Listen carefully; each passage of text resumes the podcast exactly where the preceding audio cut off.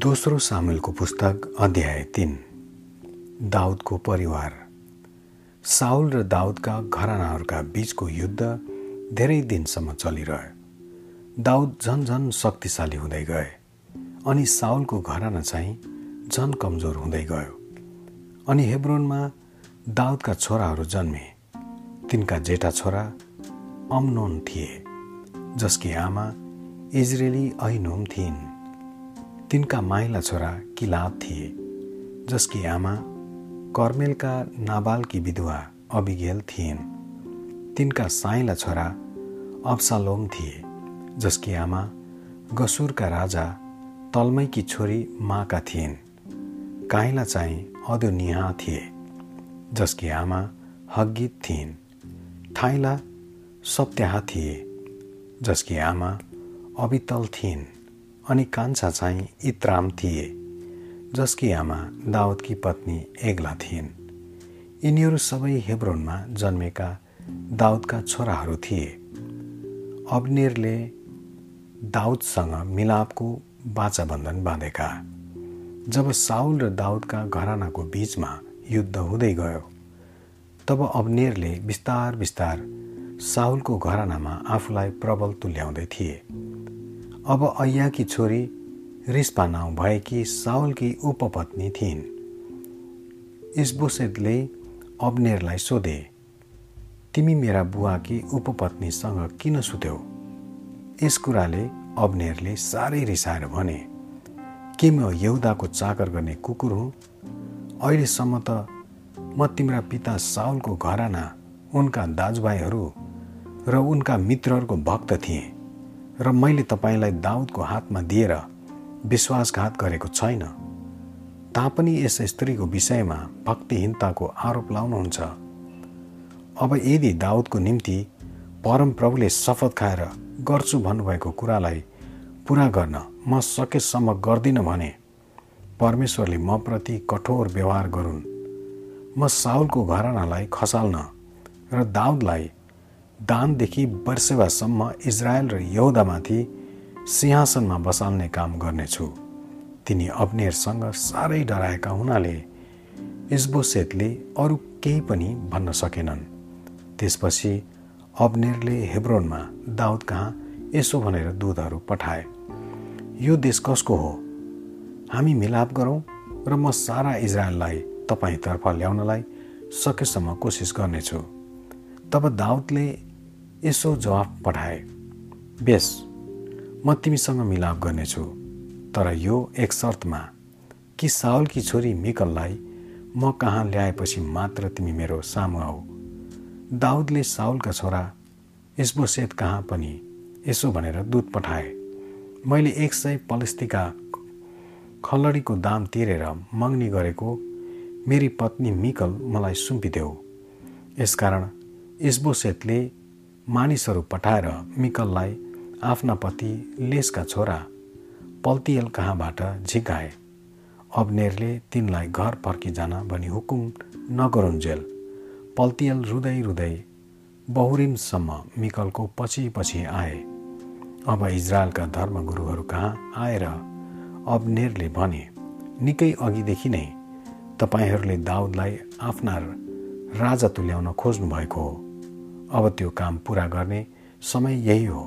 किनभने दाउदको विषयमा परमप्रभुको वचन यो छ मेरो दास दाउदको हातबाट नै मेरो प्रजा इजरायललाई पलिस्तीहरूबाट र तिनीहरूका सबै शत्रुहरूबाट बचाउनेछु।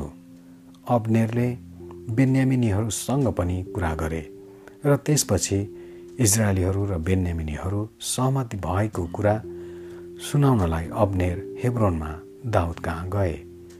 जब अब्नेर दाउदको सामुन्ने हाजिर भए तब उनीसँग बिसजना मानिसहरू थिए र दाउदले उनीहरू सबैका निम्ति भोज दिए।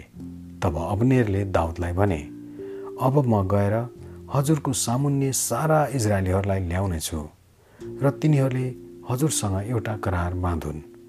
त्यसपछि हजुर आफूले इच्छा गर्नुभए जति माथि तपाईँले राज्य गर्नुहोस्। तब दाउदले अब्नेरलाई बिदा दिए र उनी शान्तिसँग गए। युवाबले अब्नेरलाई मारेका। दाउदका मानिसहरू र युवाप चाहिँ आफूसँग धेरै लुटका माल लिएर लुटपिटबाट फर्के। तर त्यसबेला अब्नेर चाहिँ शान्ति साथ विदा भइसकेकाले उनी दाउदसँग हेब्रोनमा थिएनन्। यसैले जब युवाब र तिनका लुटपिट गर्ने दल फर्केर आइपुगे तब नेरका छोरा अब्नेर राजा कहाँ आएर शान्ति साथ फर्की गएको कुरा तिनीहरूले सुने। राजा कहाँ गएर युवाबले भने हजुरले यो के गर्नुभयो? अब्नेर यहाँ हजुर कहाँ आएका थिए? हजुरले कसरी उनलाई त्यसै जान दिनुभयो? उनी त त्यसै उम्केर गइहाले। हजुरले नेरका छोरा अब्नेरलाई चिन्नु नै भएको छ। उनी हजुरलाई छल गर्न हजुरको चाल बुझ्न र हजुर के गर्दै हुनुहुन्छ सो जान्नलाई आएका थिए। जब युवाब दाउदको सामुन्नेबाट निस्के तब तिनले अब्नेरको पछि समाचार वाहकहरूलाई पठाए र तिनीहरूले अब्नेरलाई सिराको इनारदेखि फर्काएर ल्याए। तर दाउदलाई यो सब थाहा थिएन अनि जब अब्नेर हेब्रोनमा फर्के तब युवाबले उनीसँग एकान्तमा केही कुरा गर्ने न्युमा मूल ढोकाको एकातिर गए र तिनले आफ्ना भाइ असाहेलको बदला लिन अब्नेरलाई भुँडीमा घोचेर मारे।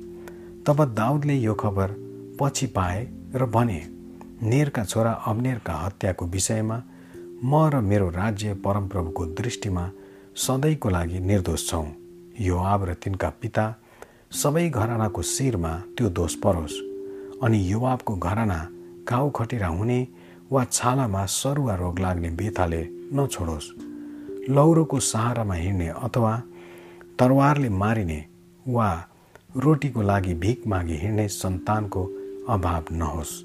यसरी गिबोनको लडाइँमा अब्नेरले तिनीहरूका भाइ असाहेललाई मारेको हुनाले युवाब र तिनका भाइ अभिषयले अब्नेरलाई मारे। तब दाउदले युवाब र तिनीसँग भएका सबै मानिसहरूलाई आआफ्नो लुगा च्यात्न भाङ्रा ओढ्ने र अब्नेरको अर्थीको अघि अघि बिलाप गर्दै हिँड्न भनी हुकुम गरे। र राजा आफै चाहिँ अस्तिको पछि पछि हिँडे। तिनीहरूले अब्नेरलाई हेब्रोनमा गाडे र अब्नेरको चिहानमा राजा साह्रै रोए अनि सबै मानिसहरू पनि तिनीसँग रोए। राजाले अब्नेरको निम्ति यो बिलापको गीत गाए के अब्नेर अपराधी भए चाहिँ मर्नु पर्यो? तिम्रो हात बाँधिएका थिएनन् तिम्रो घोडामा साङ्ला लागेका थिएनन् तिमी त दुष्टहरूका हातमा परे झैँ ढल्यौ। अनि मानिसहरू तिनको निम्ति फेला रोए तब तिनीहरूले दाउदलाई अझै दिन बाँकी रहँदा केही खाउन् भनेर मनाउनलाई आए। तर दाउदले शपथ खाएर यसो भने सूर्यास्त अघि मैले कुनै किसिमले खानेकुरा छोएँ भने परमेश्वरले म प्रति कठोर व्यवहार गरून्। मानिसहरूले यो कुरा बुझे र तिनीहरू सहमत भए। राजाले गरेका सबै कुरामा तिनीहरू प्रसन्न भए। त्यस दिन इजरायलका सबैले नेरका छोरा अब्नेरको हत्यामा राजाको केही हात थिएन भने थाहा पाए। राजाले आफ्ना मानिसहरूलाई भने इजरायलमा आजको दिन एकजना योद्धा एकजना महान पुरुष मरे भनी तिमीहरू जान्दैनौ। म अभिषेक्त राजा भए तापनि सरु यहाँका यी निर्दयी छोराहरूका सामुन्ने म कमजोर र शक्तिहीन भएको छु। तिनीहरू मेरो निम्ति अति नै बलिया भए। परमप्रभुले दुष्ट काम गर्नेलाई त्यसका योग्यको प्रतिफल दिउन्। आमेन।